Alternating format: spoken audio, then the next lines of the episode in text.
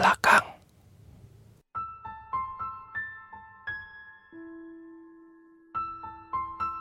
Assalamualaikum warahmatullahi wabarakatuh. Selamat datang, selamat berjumpa kembali di channel horor yang paling serem di dunia nyata maupun alam gaib.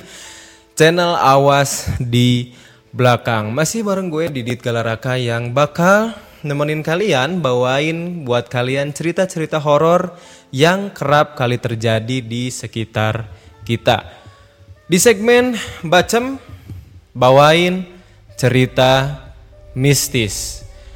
Ya, di episode kali ini masih seputar sebuah bangunan yang punya sejarah kelam. Sebelumnya gue udah upload beberapa episode tentang sekolah, tentang gedung perkantoran juga.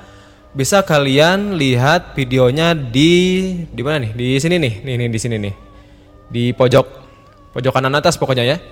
Bisa dilihat di situ. Nah, untuk di episode kali ini gue bakal bawain lagi cerita tentang perkantoran. Beda pastinya beda sama episode yang sebelumnya.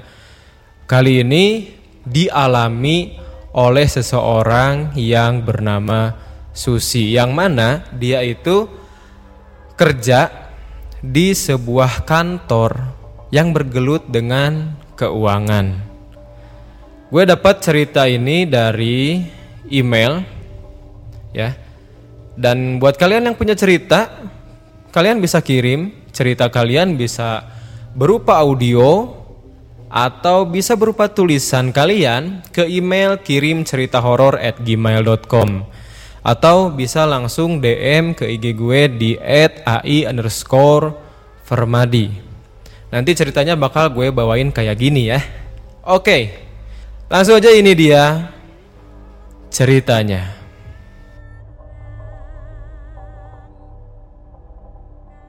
Halo Bang Didit, halo. Aku Susi. Di sini aku bakalan cerita pengalaman nyataku dapat gangguan dari mereka yang sering kita bilang dengan sebutan makhluk astral. FYI aja, for your information. Aku seorang fresh graduate dan sekarang aku kerja di kantor keuangan yang berlokasi di Kabupaten Sumedang. Belum lama sih aku kerja di sana. Masih kehitung bulanan lah per tanggal aku ngirim cerita ini. Ya jadi Susi ini ngirim beberapa hari uh, sebelumnya ya. Mungkin Bang Didit pernah ke Sumedang. Tahu kan daerah Cadas Pangeran? Waduh, tahu banget. Pernah suatu ketika gue pulang ngedaki dari Ciremai jam 9 malam. Sepi banget angkernya sampai ke dalam mobil. Nah, kurang lebih kayak di sanalah keangkeran yang aku rasain di kantorku itu. Kenapa nggak pilih pindah aja? Ya namanya juga profesionalitas kerja. Masa iya kalah gitu aja? Enggak kan?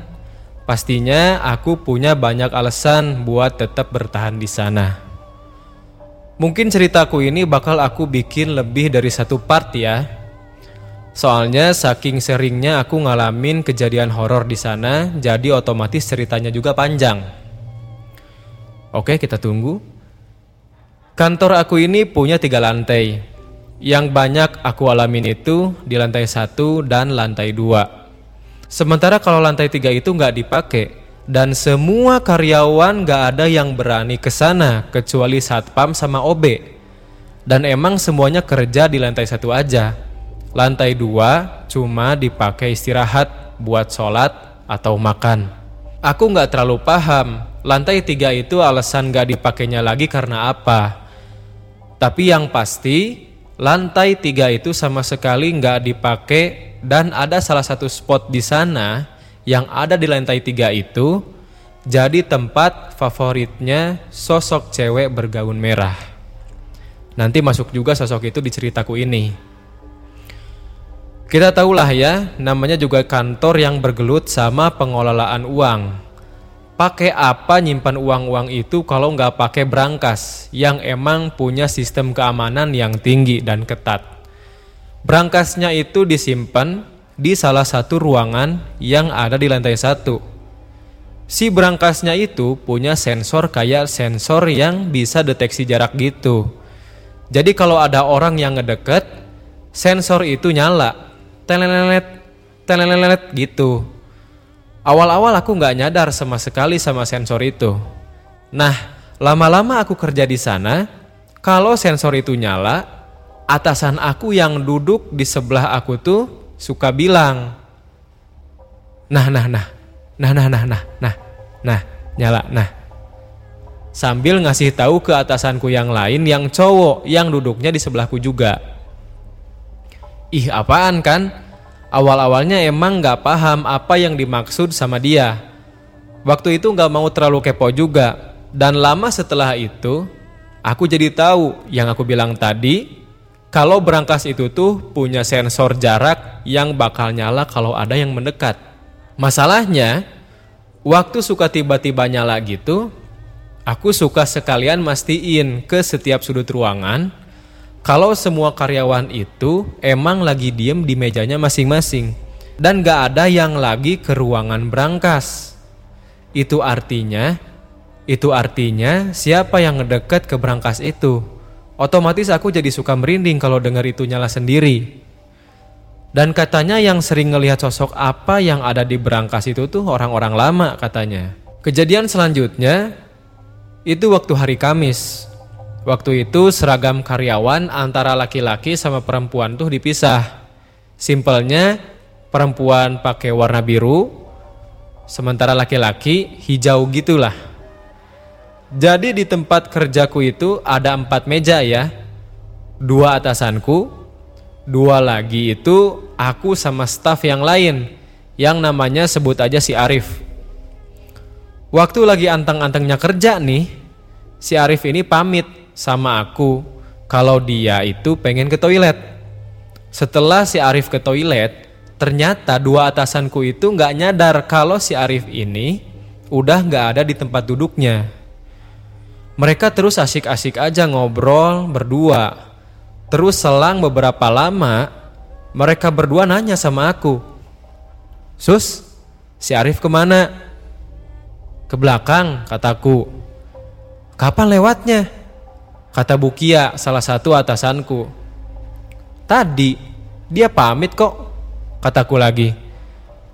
Terus waktu aku bilangin begitu, di sampingnya Bukia, sebut aja Pak Jaka, itu langsung kayak yang lemes.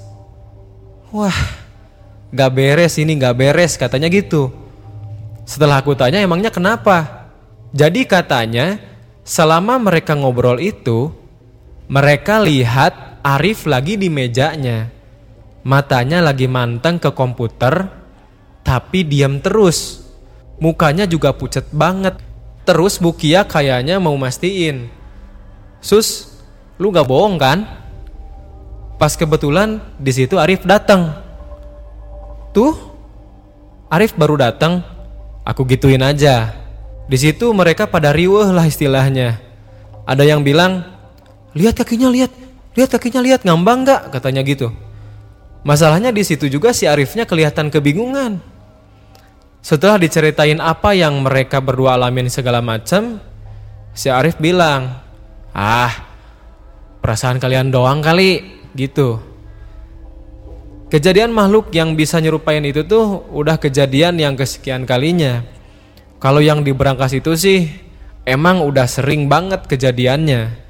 Pokoknya kalau ada suara sensor sementara nggak ada manusia yang ke ruangan itu, itu artinya ada makhluk lain selain manusia yang ke sana. Udah jadi makanan sehari-hari pokoknya. Yang selanjutnya ruang server. Pokoknya ruang server ini pasti setiap hari ada yang masuk ke sana, termasuk Bukia. Jadi si ruang server ini tuh kalau kita buka pintunya di seberangnya itu ada pintu lagi. Nah, di pintu yang seberang itu suka ada yang nongol kepalanya doang. Belum lagi merinding lagi. Belum lagi di atas CPU CPU gede yang berjajar itu. Jadi kan kalau ruang server itu pasti ada CPU CPU yang gede-gede banget Nah di atasnya suka ada sosok yang ngegelantung mainin-mainin kakinya. Entah kesuges atau enggak, pas aku masuk ruangan itu perasaannya juga emang gak enak banget. Kayak ada yang merhatiin aku di salah satu sudut mana gitu. Makanya kalau aku masuk ke sana mau nyalain server, aku pasti banyak bilang permisi dan udah itu pergi.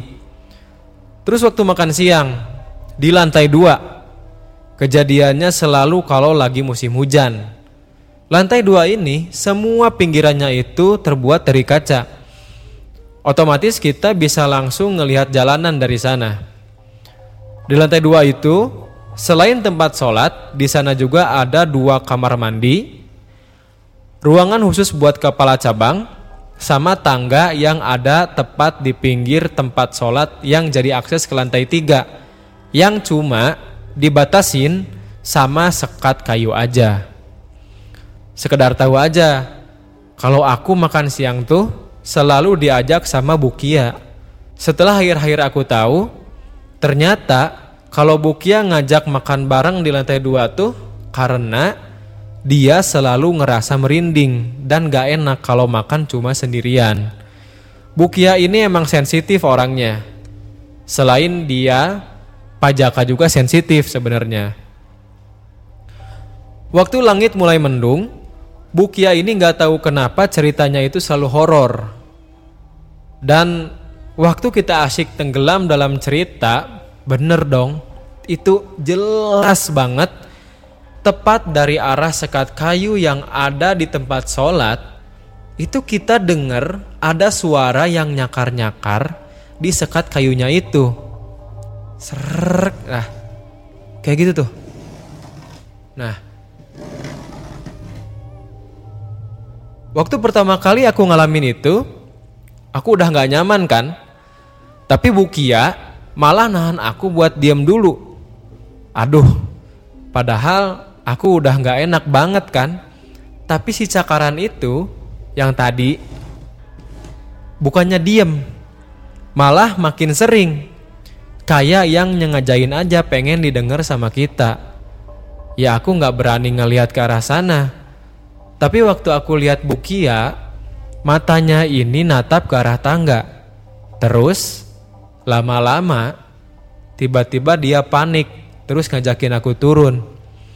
Pas di bawah, Bukia ini bilang kalau dia ternyata ngelihat ada sosok yang turun tangga dari arah lantai tiga dan bukan manusia. Satpam sama OB lagi di bawah. Terus gak ada karyawan yang berani masuk ke lantai tiga kecuali Satpam sama OB. Itu juga si OB selalu minta antar aku ke lantai tiga kalau dia mau ngepel di sana. Selebihnya habis kejadian-kejadian tadi masih banyak lagi kejadian-kejadian yang lainnya yang lebih serem. Buat cerita yang pertama ini aku cukupin aja, takutnya kepanjangan. Next aku kirim lagi ceritanya secepatnya ya bang. Makasih.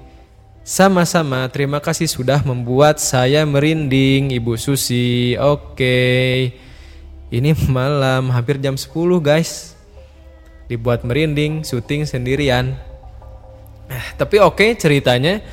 Nah, buat kalian yang punya cerita-cerita kayak gini, bisa kalian kirim langsung ke email kirim cerita horor at gmail.com atau bisa langsung DM ke IG gue di at AI underscore Fermadi. Buat kalian yang di Youtube yang belum subscribe channel Awas di Belakang, aduh sayang banget bos. Subscribe dulu biar kalian gak ketinggalan cerita-cerita horor yang gak ada di channel-channel lain. Dan buat kalian yang penggemar Spotify, kalian juga bisa dengerin tayangan ini di Spotify-nya Awas di belakang. Oke, terima kasih gitu aja dulu. Assalamualaikum warahmatullahi wabarakatuh. Salam borangan.